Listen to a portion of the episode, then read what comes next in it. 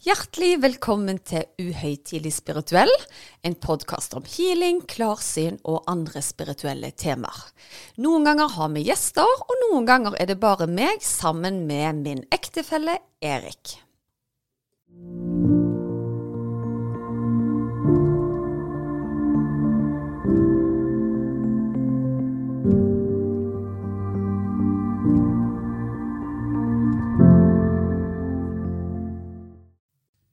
Ja, velkommen til en ny episode av Uhøytidelig spirituell. Vi gleder oss til å være sammen med dere i dag òg. Ja, veldig kjekt at du ville være med på denne halvtimesreisen med oss. Ja.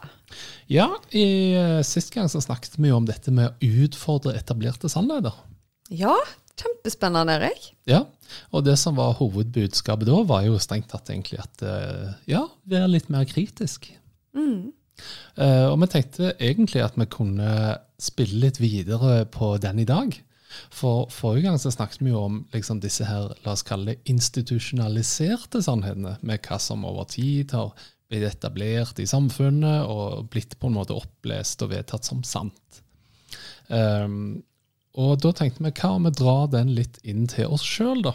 Og ser litt sånn nærmere i, på kroppen hvordan personen oppfatter hva som er sant og ikke. Ja, du nikker. Ja, jeg, jeg nikker. Jeg sitter Ja. bare og lytter på sidelinjen. Veldig, veldig spennende. Ja. Ja, men så flott.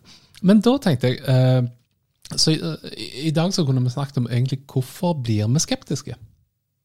Ja, og jeg har vel en master i å møte folk som er skeptiske, eller i, i hvert fall tidligere. Men jeg har jo òg opplevd at det, dette er absolutt i en endringsfase, altså. Jeg føler folk er mye flinkere nå til å faktisk si ja og, som du ofte har vært inne på, istedenfor nei, men. Ja. Så jeg, jeg opplever absolutt at folk ønsker å lære mer om de spirituelle temaene. Ja.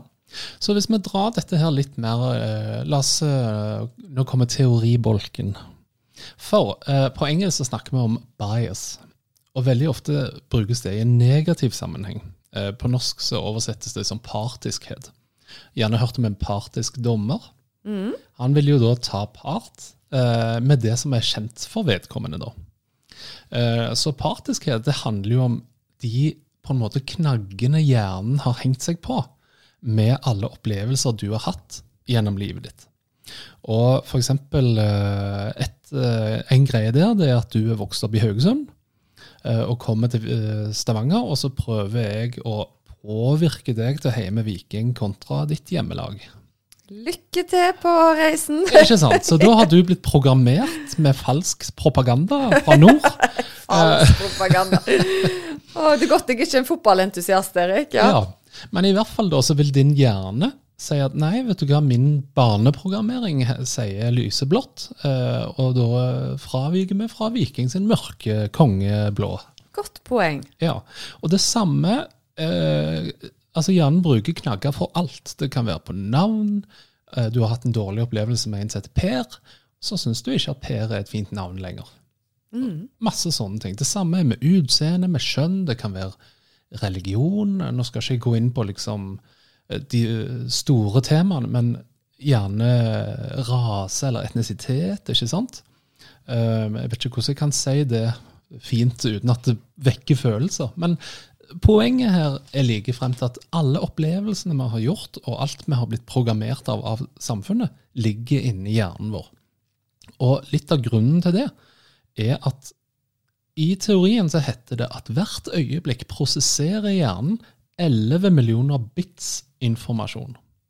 Og for de som er veldig teknisk interessert, så er 8 bits 1 byte. Og du har kanskje hørt om megabyte. Ja da? Og det er jo da 1 million byte. Så det vil altså si at du prosesserer 8, 11 millioner bits informasjon per øyeblikk. Um, men hjernen kan kun prosessere 40 bits på den samme tiden. Så la oss ta et eksempel. Vi sitter her og prater sammen. Farger på vegger, utseendet mitt, alt du ser rundt deg, egentlig forhåndsprogrammert i hjernen, ditt, i hjernen din, som eksempel du har blå genser på deg, du vet da at fargen er blå, du hører meg prate, du har lært språket. Alt omsettes ganske raskt i hjernen din, fordi at du er programmert til å ta inn alle disse 11 millionene inntrykkene som kommer akkurat her og nå. Det du ikke er programmert til å forstå, det er de 40 bitsene som jeg prater. Hva jeg skal si, er du ikke programmert til.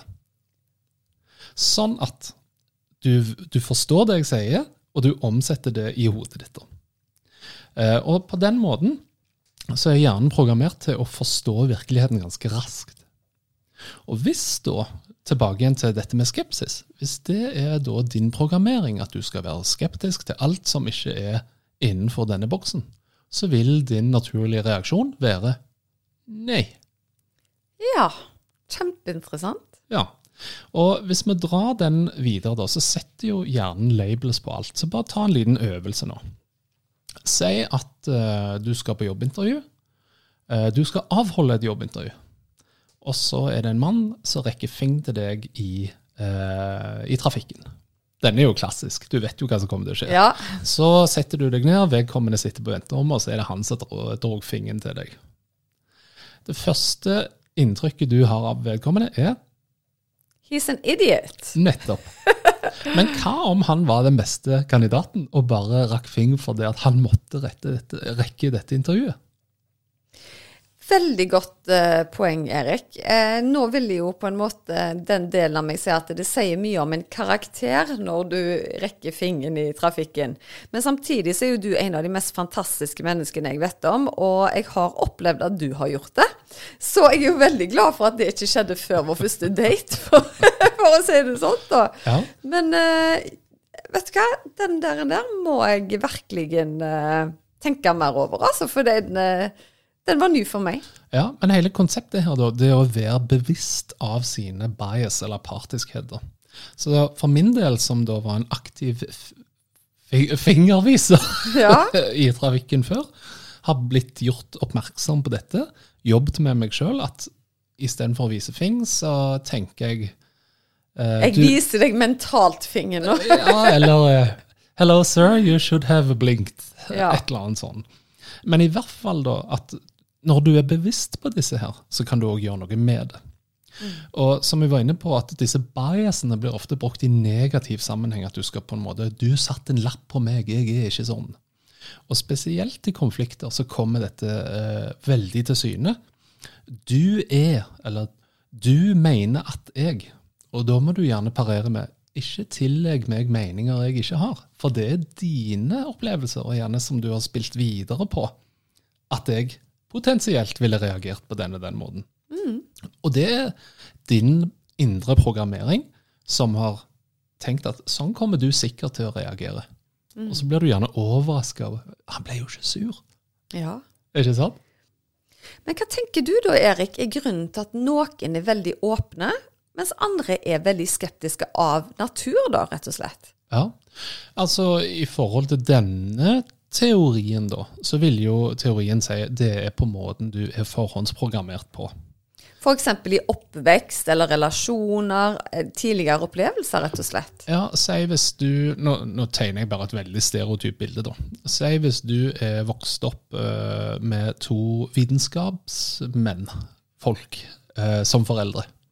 Så er du kanskje gjerne programmert til å være veldig faktabasert i din tilnærming.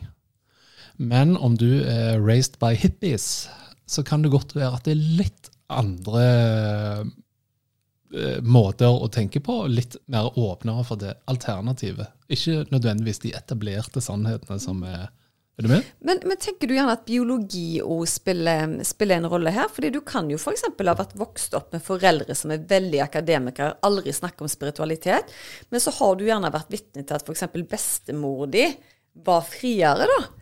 Og at du gjerne har noe av henne i deg fra før, som gjør at det gjerne kommer til mer til syne når du er voksen, selv om du gjerne ikke kjente henne etter du var fire år gammel. Ja, og der har du nok uh, litt innenfor altså Nå balanserer du i en annen akse igjen, vil jeg si. For da Si at du er medfødt litt mer åpen, da. Eller at du gjennom relasjonen til din eh, bestemor uh, har gjort deg mer åpen. Men så tenker jeg jo at den påvirkningen du har hatt andre steder, har gjerne, eh, altså fra dine foreldre eller et eller annet, har gjort at du nærmest på en måte undertrykker den åpenheten. da. Så du har blitt tvunget inn i et eller annet spor til å tenke annerledes enn det den på en måte magefølelsen sa. da. Og altså, sånn I min egen oppvekst da, så pappa var jo veldig sånn teoretiske, og ikke den som snakket mest om spiritualitet. Men han lærte meg jo òg dette med å kjenne på energien til, til, folk. At du skulle se de dypt inn i øynene. For det var på en måte sjela sitt speil, da. Og det syns jeg jo er litt interessant, for det har jo jeg tatt med meg hele veien videre i livet. At jeg ser alltid folk litt sånn dypt i øynene. Hvem er du, og hva, hva bor der? Og det var jo egentlig fra en, en person som i utgangspunktet ikke var sånn kjempeintuitiv, da. Nei, men allikevel så var han elektriker. Så noe med energi har han nok dratt inn der. Ja, da kan jeg aldri huske at han jobba som elektriker, da, men jeg tror han hadde et papir på det i sin ungdom, ja. Det har du helt uh, rett i. Ja. Mens mamma har jo alltid vært kjempeåpen. Hun har syntes at alt med spiritualitet var veldig spennende. Men det er liksom ikke noe jeg kan huske som en stor del av min oppvekst, at vi, at vi snakket om spiritualitet. Men hun var veldig sånn som uh, sa ja òg. Dette er jo kjempespennende, det har jeg lyst til å lære mer om. Så det har jeg jo selvsagt tatt med meg videre. Ja, så bra. Men da ser du jo at til og med der òg er jo du programmert inn til forskjellige reaksjoner i en gitt setting. Ja, ja, helt klart. Så det som jeg tenker på, da, det er jo at eh, hvordan kan vi være bevisst disse her, da? Og da har jeg dratt fram et par eksempler som gjerne brukes når du skal trene din egen spiritualitet, da. Um, og for én ting er jo den reaksjonen du får utenifra at vi har øvd på liksom. Det er så teit når dere snakker om sånne ting som det. Ja. Ler høyt av det. ja. Ja, Og så kommer det etterpå. 'Å, når du sier det. Jeg hadde den følelsen.' Og så er du i gang. Ja, Eller den eh, å, spiritualitet. Altså, Det er så dumt at jeg vet ikke hvor jeg skal forstå det engang. Men du, jeg har litt vondt i hælen. Kunne jeg fått en time hos deg siden vi er gode venner? altså litt sånn. Men ok. Det er det ene. Det er den utenifra. Ja. Og det er jo eh, Du kan liksom ikke påvirke den noe annet enn at eh, ja, ja, du får tro det du vil. Men så er det den egne reaksjonen, da. Eh, og der sliter jeg mest, vil jeg si, for det at logikken kicker inn altfor fort. Men der er du mye flinkere. Så la oss ta et eksempel. vi har en nabokrangel. Dette er et tenkt eksempel. ja. Vi har veldig gode naboer. Ja. Eh, si at du har en nabokrangel. Og så kommer du ut, og bosspannet ditt er veltet. Mm. Første reaksjon vil være Yes, sex, son of a bitch. Sant? Eh, det må være naboen sin feil. Du ville tenkt at nå har naboen spent i vår søppelspann. Ja. Og så kan du jo analysere situasjonen, og det at det blåste storm den dagen det var sikkert òg naboen sin feil, men ja. uh, du ser poenget her. Ja.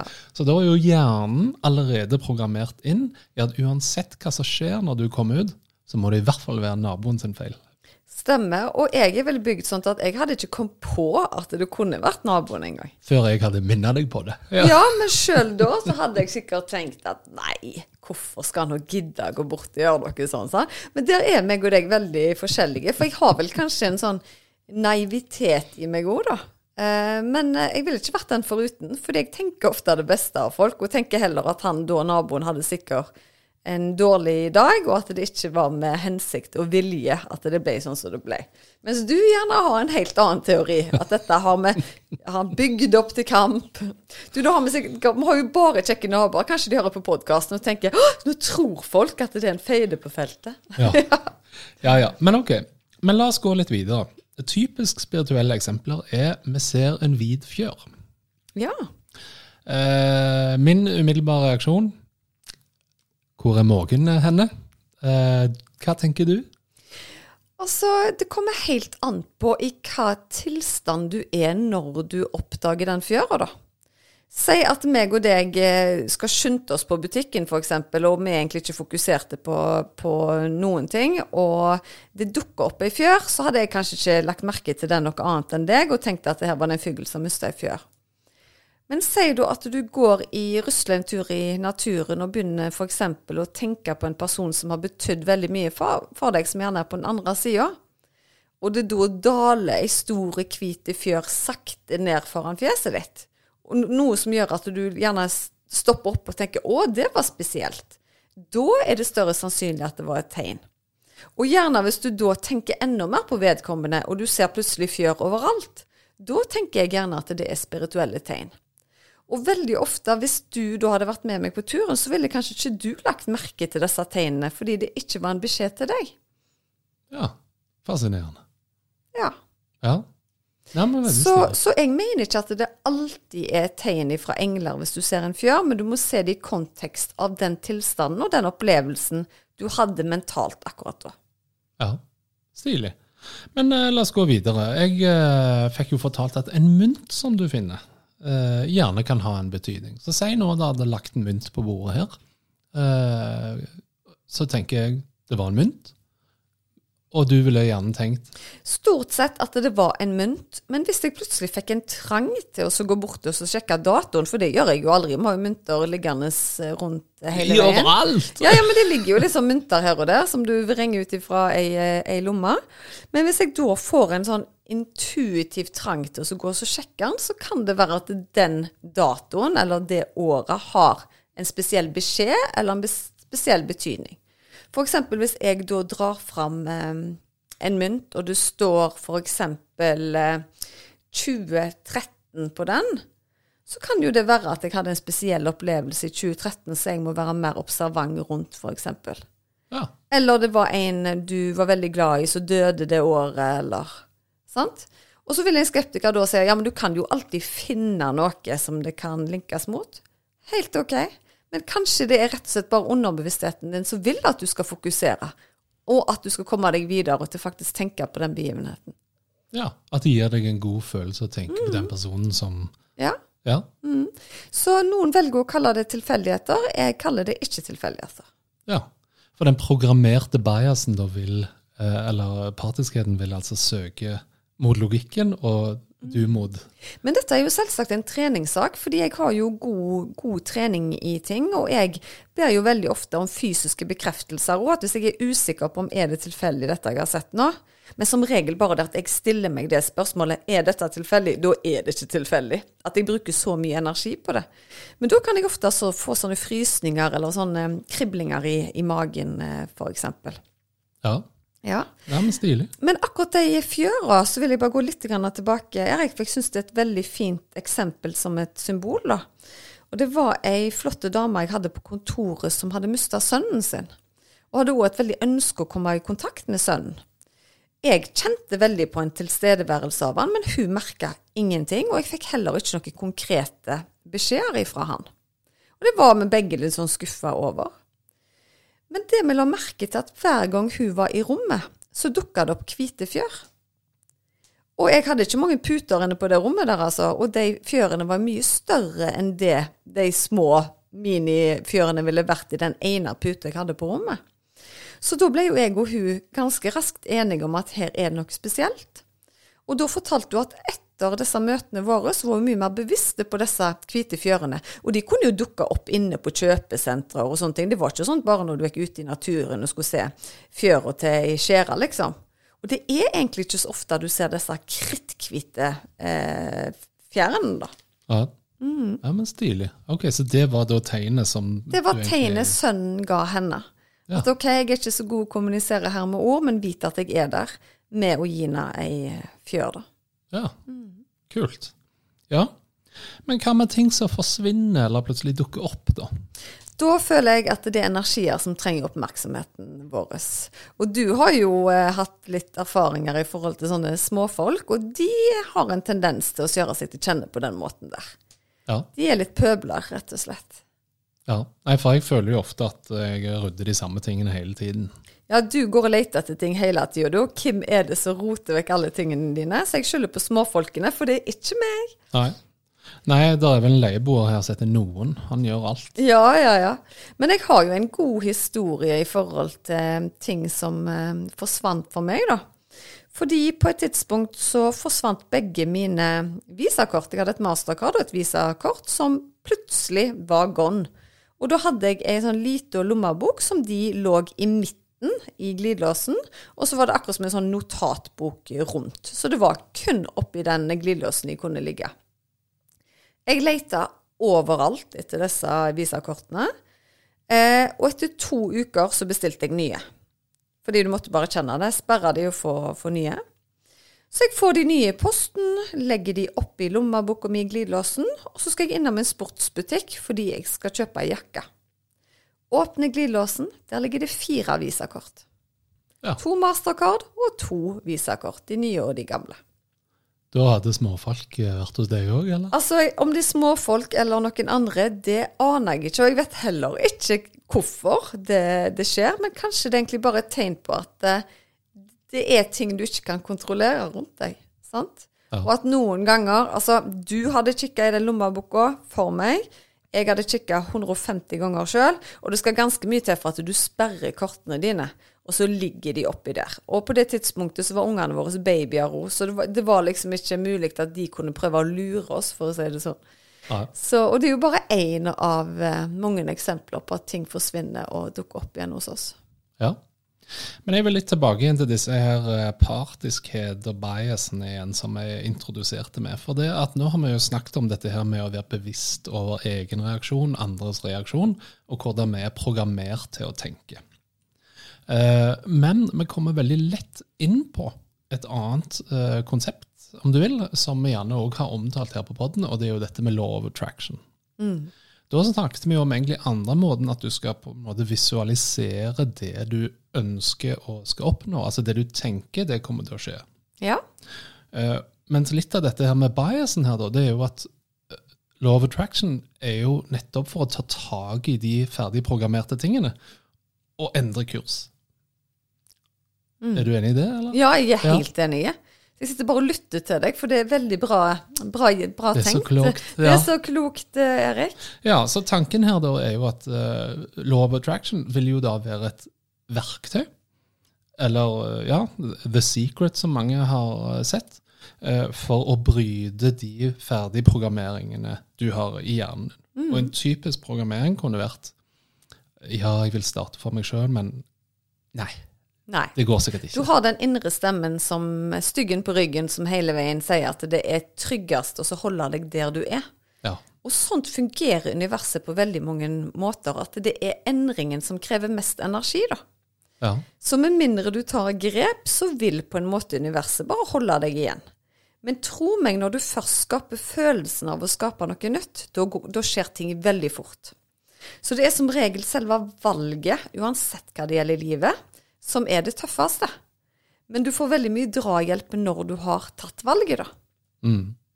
Ja, det blir som å rive av et plaster veldig fort. Det gjør vondt der og da, og så svir det litt etterpå, men så glatter det seg Vi er så fryktelig redde for det som er ukjent, og det gjelder ikke bare spiritualitet, det gjelder livet generelt sett. Altså frykten for at ting skal bli verre enn det det er nå. Men stort sett så har du det ikke godt når du tenker at du vil ha en endring, da. Nei, det sant. Så det er som regel worth the risk, og universet er programmert til at de vil deg vel. Du må bare ha troen og skape følelsen av den positive endringen. Da vil det som sagt falle på plass mye raskere. Men jeg tenker litt sånn med law of attraction òg, det å se tegn eh, på en måte. Men, eh, men du hadde et eksempel her på å, å, å tolke tegnene som kom.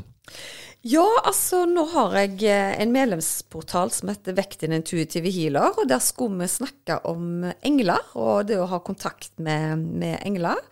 Og da er det jo alltid sånn på forhånd at du liksom går gjennom det mentalt og liksom Nå må jeg hente fram de gode historiene så jeg kan dele med disse medlemmene. Og jeg har hatt flere opplevelser med kontakt med engler, men jeg hadde liksom ikke et sånn konkret eksempel som var et sånn wow-eksempel akkurat den dagen jeg gikk og tenkte på det. Men så skjer det noe litt spesielt, for plutselig så ser jeg at jeg har fått en mail av meg sjøl.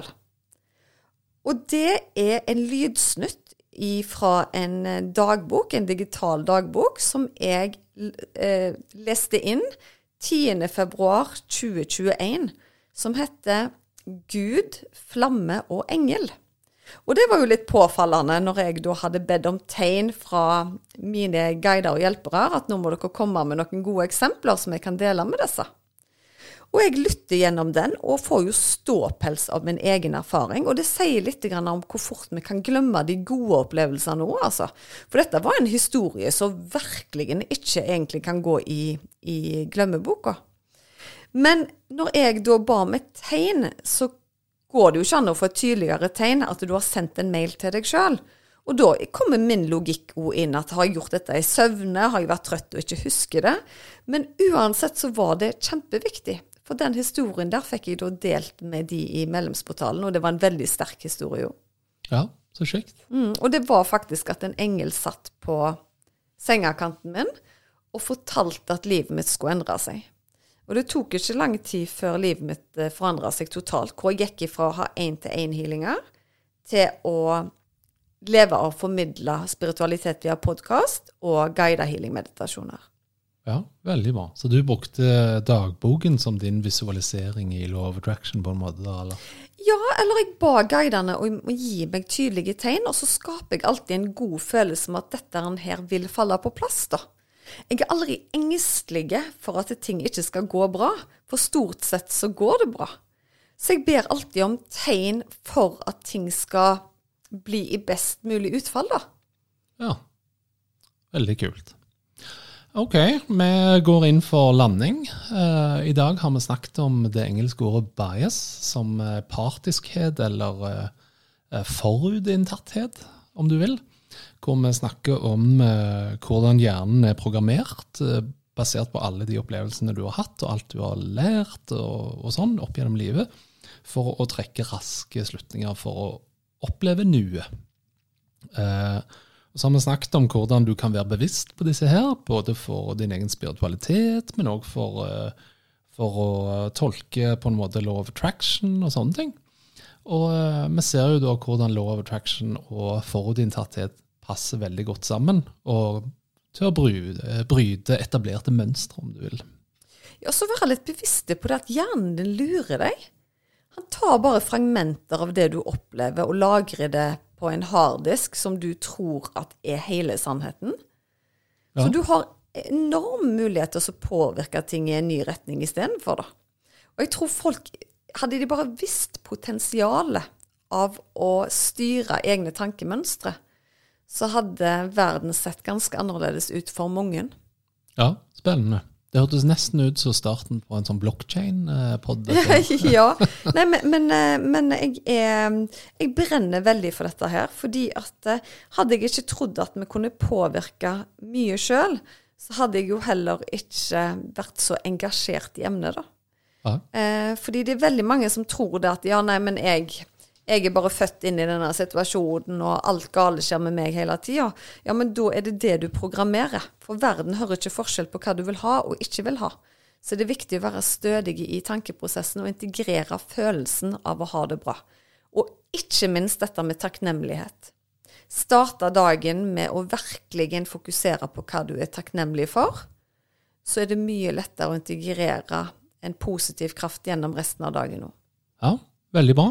Det skal jeg ta med meg, og jeg er veldig takknemlig for at du brukte den halvtimen av livet ditt til å høre på oss. Absolutt.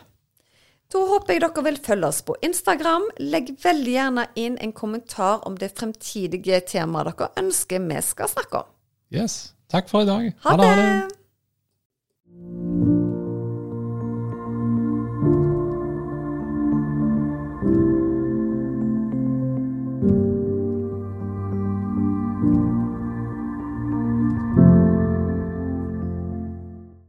Visste du at du kunne ta kontakt med meg hvis du ønsker å få satt opp en personlig healingplan? Da er det bare å kontakte meg via Instagram eller på e-post, så gjør jeg det helt kostnadsfritt. Da er det mye lettere å vite hvilken healing du skal velge, til hva tid du skal bruke den, og for hvor mange uker du bør benytte deg av deg. Gå inn på healersusanne.com.